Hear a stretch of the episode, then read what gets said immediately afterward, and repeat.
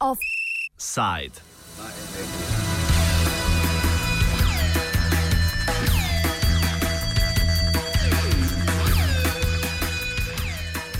Ministrstvo za gospodarstvo je oznanilo, da bo ovadilo novo vodstvo podjetja Helios. Obrazložitev pa ponudilo tudi na nujni seji odbora državnega zbora za delo, družino, socialne zadeve in invalide, kjer so obravnavali družbene posledice nepremišljene privatizacije družb v posrednji in neposrednji lasti Republike Slovenije.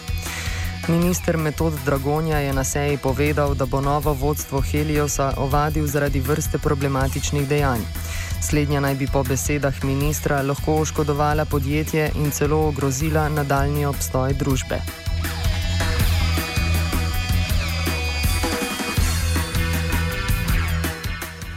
Odziv države je tokrat bil presenetljivo oster. O trenutni situaciji v podjetju Helios in z njo povezanih odzivih države smo povprašali ekonomista Bogomirja Kovača. Čeprav ni mogoče sklepati glede same vsebine. Očitno gre za uh, spor, ki nastaja na eni strani uh, znotraj Heliosa in na drugi strani glede samega načina financiranja in kršitve očitnih pogodb, uh, ki so bile uh, sklenjene uh, v okviru uh, prozemnika, tako da gre najbrž za splet nekih okoliščin ki so narekovali, da je država uh, reagirala in uh, skušala nekako spostaviti neko drugačno ravnotežje moči, kot pa je bilo med uh, upravo in nadzornim svetom na eni strani in pa med zaposlenimi na drugi strani v Heliosu.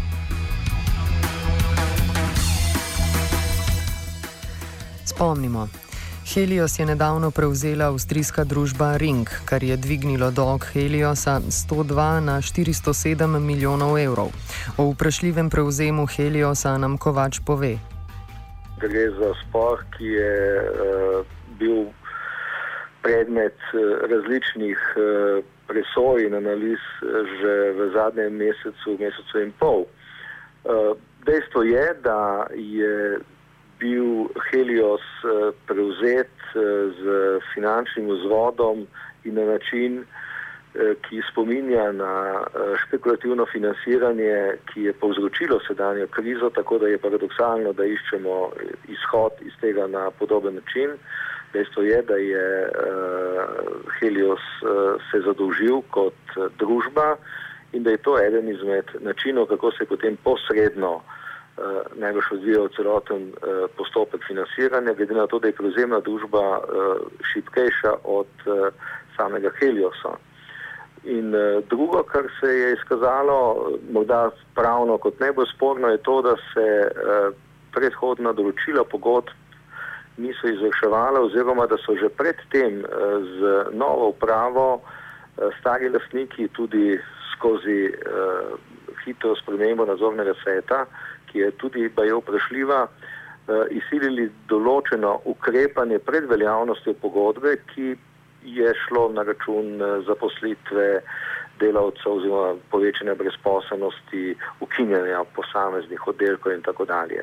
Tako da je tudi uh, ne samo vprašljiva in problematična finančna konstrukcija, temveč tudi spoštovanje pravnih pogodb in predvsem, kar je morda najbolj presenetljivo, Eh, da so novi lastniki, zlasti pa tudi seveda nova uprava, relativno zelo hitro prišli v spor z vsemi deležniki, tako znotraj kot zunaj. Eh, gre predvsem za nekatera občutljiva področja, recimo spomnimo se recimo uh, vloge in pomena uh, gasilske službe, recimo Heliosa, košarkarskega kluba, na katero se veže pravzaprav že uh, dolgotrajno zavezništvo Heliosa in tako dalje.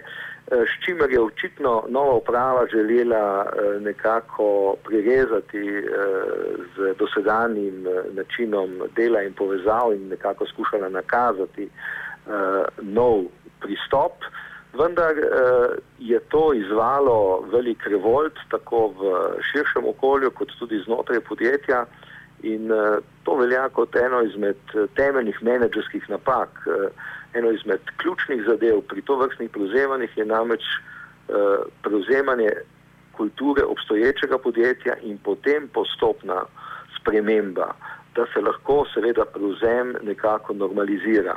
Uh, to, kar mislim, da je uh, prevzemna družba in uh, novo vodstvo, nadzorni svet in seveda ta uprava šla preko meja tudi spremenljivih kriterijev za ustrezno menedžersko kulturo, kakršno naj bi spremljala recimo to vrstna operacija. Poleg ekonomskega izčrpavanja same družbe se pritisk vrši tudi na tamkajšnji sindikat.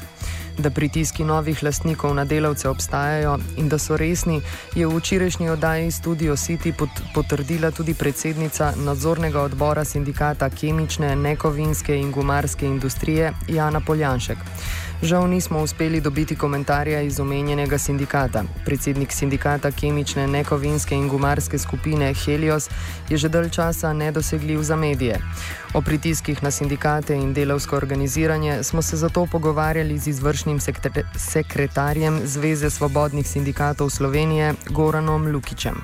Najboljši komentar je, da rečem brez kakršne koli komentarje, ker dejanja delodajalca povedo vse že sama po sebi. Mislim, zadnji primer, ko se dogaja, se vi, vi vidite, recimo v primeru Heliosa, da poskušajo utišati predsednika sveta delavcev oziroma predsednika sindikata. Da, tukaj zagotovo ni to stvar neke rekel, korektne politike upravljanja, kaj šele korporativnega upravljanja. Da, to, to ni stvar, s katero bi se kakršna koli uprava hvalila oziroma jo počela na, na, na takšen način, da bi potem na drugi strani lahko rekli, da je neko učinkovito upravljanje. Ravno, ravno nasprotno ki gre v bistvu za kršitev osnovnih pravic, pa tudi sindikalnega organiziranja in eh, to lahko samo najostreje obsodimo.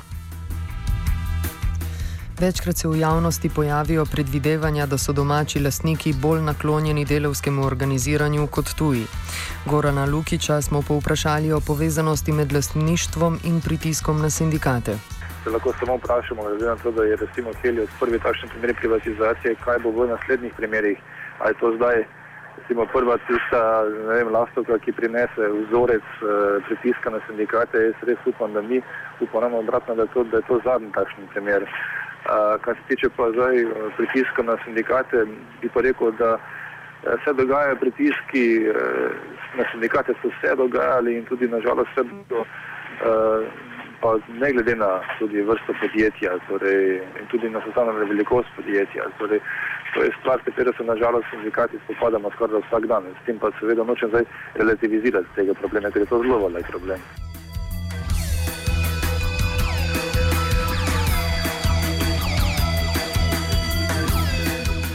Obravnava Heliosa na državni ravni je zelo pomembna za nas gospodarski prostor. Reakcija vlade je namreč pokazala, da vendarle ne bo prišlo do povsem brezglave privatizacije. Tuji investitorji so namreč dobili precej močno sporočilo, da bo država pri privatizaciji vzela v premislek več kot le končno prodajno ceno. Več o tem ekonomist Bogomir Kovač. No, Helios je zagotovo zdaj med uh, večjimi uh, tarčami z vidika privatizacije in to, kar se bo tukaj dogajalo, uh, je zelo pomembno, uh, da uh, mi na eni strani postavljamo postopoma neke kriterije, in na drugi strani dajemo tudi drugim prevzemnikom vedeti, da v tej državi eh, z vidika nekih normalnih menedžerskih prijemov, naj si bodi finančnih ali pa z vidika načina vodenja in spoštovanja določene kulture in etike poslovanja, da je so tu stvari vendarle normalne. Mislim, da so prišli eh, in da prihajajo eh, tuji prevzemniki nekako v Eh, neko okolje, ki ga sprejemajo v bolj polkolonialnem smislu. Eh, njihove zunanje informacije so, da je to država, ki je trenutno v velikih težavah, kjer imamo takšne in takšne različne vidike krize in eh, z svojimi pristopi nekako skušajo postavljati meje, do kam smejo iti. In mislim, da je pri Heliosu šlo predvsem zato, da so se zelo, zelo hitro odločili eh, nekako preizkušati, dokam pravzaprav pri tem lahko gredo. In uh, mislim, da je zelo dobro, da uh, bomo ob Heliosu postavili morda neke kriterije, ki ne bodo samo pomembne za reševanje problemov v Heliosu, ampak bodo skrati postavili uh, neke določene norme in uh, tudi načine uh, medsebojnih odnosov pri drugih prevzemnikih oziroma pri drugih privatizacijah. Tudi sindikati opozarjajo, da se pri slovenskem procesu privatizacije pogosto pozablja na stranske posledice. Na pomembnost načina privatizacije je opozoril sindikalist Goran Lukič. Postopek privatizacije kot takšen se je že začel nekaj časa nazaj. Nažalost, stvar je v tem, da dosti politikov ne razlikuje med postopkom privatizacije in med načinom privatizacije. Uh, kaj hočem povedati? Za dosti politikov, nažalost, je tako, da ko slišijo besedo privatizacija, je to za njih avtomatizem. To pomeni, da se mora vse prodati, ne sprašuje, ne govori, ne vidi, ne posluša in pojdi naprej. Medtem ko pa danes je tudi bilo jasno rečeno, tudi na same seje odbora, pomembno je tudi način. Torej, pomembno so zaveze, pomembno je tudi ohranitev delovnih mest, pomembno je tudi zadnje ne samo cena, ampak tudi vpliv na širšo okolico. In mislim, da se tega uh, vse bolj zavedajo tudi nekateri politiki. Da to ni hec, pač privatizacija ni neka, neko priporočilo od komisije, ampak je konkretna stvar, ki mora biti čim, čim bolj transparentna. Helios predstavlja prelomnico v slovenskem gospodarskem prostoru. Država je rekla odločen ne procesu brez glave privatizacije. Več o tem ekonomist Bogomir Kovač. Helios predstavlja neko prelomnico, ker upajmo, da se bomo na eni strani naučili, kako je treba biti pozoren pri sami prodaji. Različni konzorciji, ki zdaj seveda vršijo prodajo, nimajo zelo jasnih usmeritev, ne obstaja nek protokol, ne obstajajo neke kompleksnejše eh, ocene in tudi ne pravila, kako in na kakšen način se da pri tem paziti. Banke bodo preprosto rekle, da jih in skladi pri tej prodaji zanima pravzaprav samo vrednost podjetja, da razvoj oziroma vsi ostali faktori tukaj niso pomembni. Toda, treba se je zavedati, da je vsako podjetje sestavljeno iz različnih deležnikov in da je treba pri prodaji, in zato seveda med drugim naj bi skrbela vendarle država, ki stoji za uh, večino prodajalcev, ki zdaj prodajajo uh, večinske deleže ali pa pomembne deleže države, da je tukaj treba spoštovati neka določena pravila in da je treba spoštovati tudi interese vseh deležnikov in je treba pri tem spoštovati med drugim celo pogodbe, ki se ob to vrstnih prodajah sklenejo. Offside je pripravil Martin Kovač.